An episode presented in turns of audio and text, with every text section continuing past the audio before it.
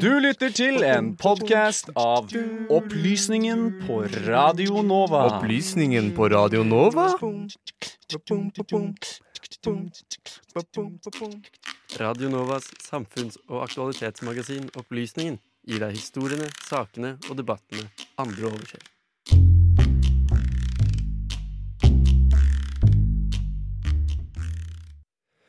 Og eh, fra Bernie Sanders-kampanjen og over til noe helt annet. Vi har tidligere snakket om covid-19, koronaviruset, som får stor dekning både i norske og internasjonale medier, og som er en potensiell global folkehelserisiko. Da kunne reporter Sebastian Hagel melde om at eh, Verdens helseorganisasjon, WHO, og det norske folkehelseinstituttet, FHI, begge var avventende i sin vurdering av virustrusselen, og anmodet til å vente og se hva disse sier før panikken slår inn. Dette var for over en måned siden, og mye har skjedd, så hva sier helsemyndighetene nå? Kort sagt, med mindre vi får inn rapporter om mutasjon eller økt smitteeffekt fra gode institusjoner, ser man få grunner til å engste seg over dette viruset, så fremt du ikke allerede er smittet av det.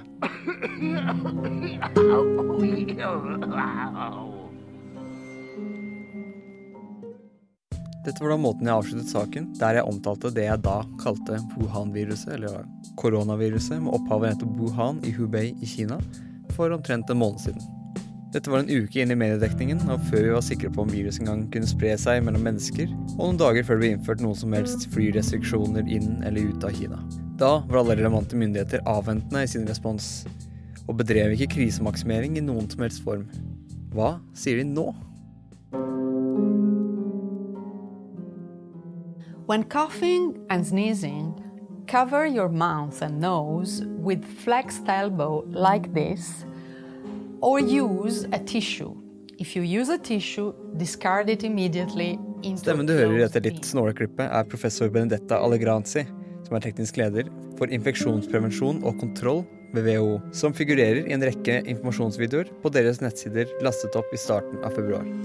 Dette er det hun på vegne av WHO sier i en informasjonsvideo om 2019 nCoV, som er det offisielle navnet på dette nye koronaviruset. This virus, called 2019 nCoV, is new and we are still learning about it. From what we know now, it can make some people a little sick with a slight runny nose. Other people get more sick and can have difficulty breathing and develop pneumonia. 2019 nCoV og covid-2019, som er sykdommen viruset forårsaker, har siden mediedekningen startet for omtrent en måned siden, skaffet seg fotfester mange steder i verden. WHO-direktøren Tedros Adhanom meldte onsdag 26.2 at det var 78 000 tilfeller av koronaviruset i Kina og 2000 utenfor i 36 forskjellige land. Fra et norskt perspektiv er det nevneverdig at FHI opplyser om flere tilfeller i Nord-Italia, spesielt i Lombardia og naboregionene Emilia-Romagna, Piemonte og Veneto. Men er det nødvendig å være redd? Some people get very sick and need to be hospitalized. Among those, unfortunately, some have died. Rundt 2800 mennesker har på verdensbasis måttet bøte med livet i møte med dette nye koronaviruset.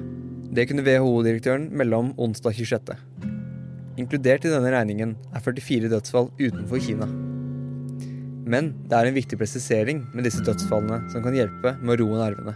Most of those that died had other underlying health issues. Forfatteren bak SNL-artikkelen om dette temaet sier det samme.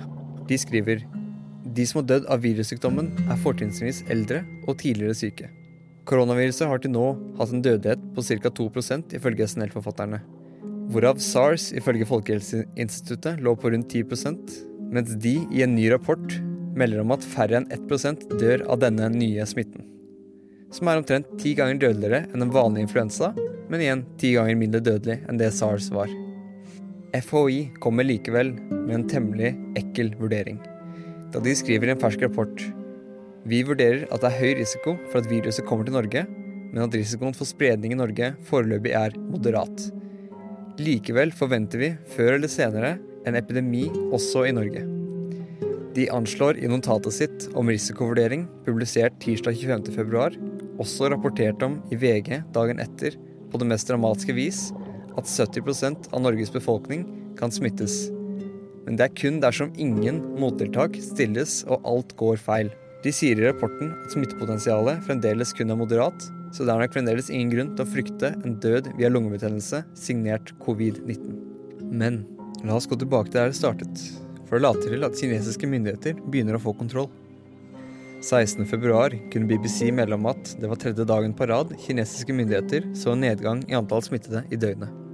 Dermed kan vi trolig fortsatt unngå en humanitær katastrofe i Kina, som på kort sikt vil spare en flest menneskeliv, som tross alt er det viktigste. If you need more information on how to protect yourself from the new coronavirus, check the WHO website at who.int. Og eh, denne saken den var, som dere sikkert skjønner, spilt inn og klippet onsdag den 26. eh, februar av vår reporter Sebastian Hagel. Og Dermed så mister den noen av de aktuelle historiene omkring korona i Norge. Vi Opplysningen vi ønsker å oppfordre deg til å følge med rundt koronaviruset, men samtidig være kritisk for sensasjonell mediedekning omkring viruset. Og lyden i innslaget den er hentet fra Verdens helseorganisasjon. Du har nå hørt en podkast fra Opplysningen 99,3. Finn denne og tidligere episoder på Spotify, iTunes eller der du måtte finne dine podcaster ellers.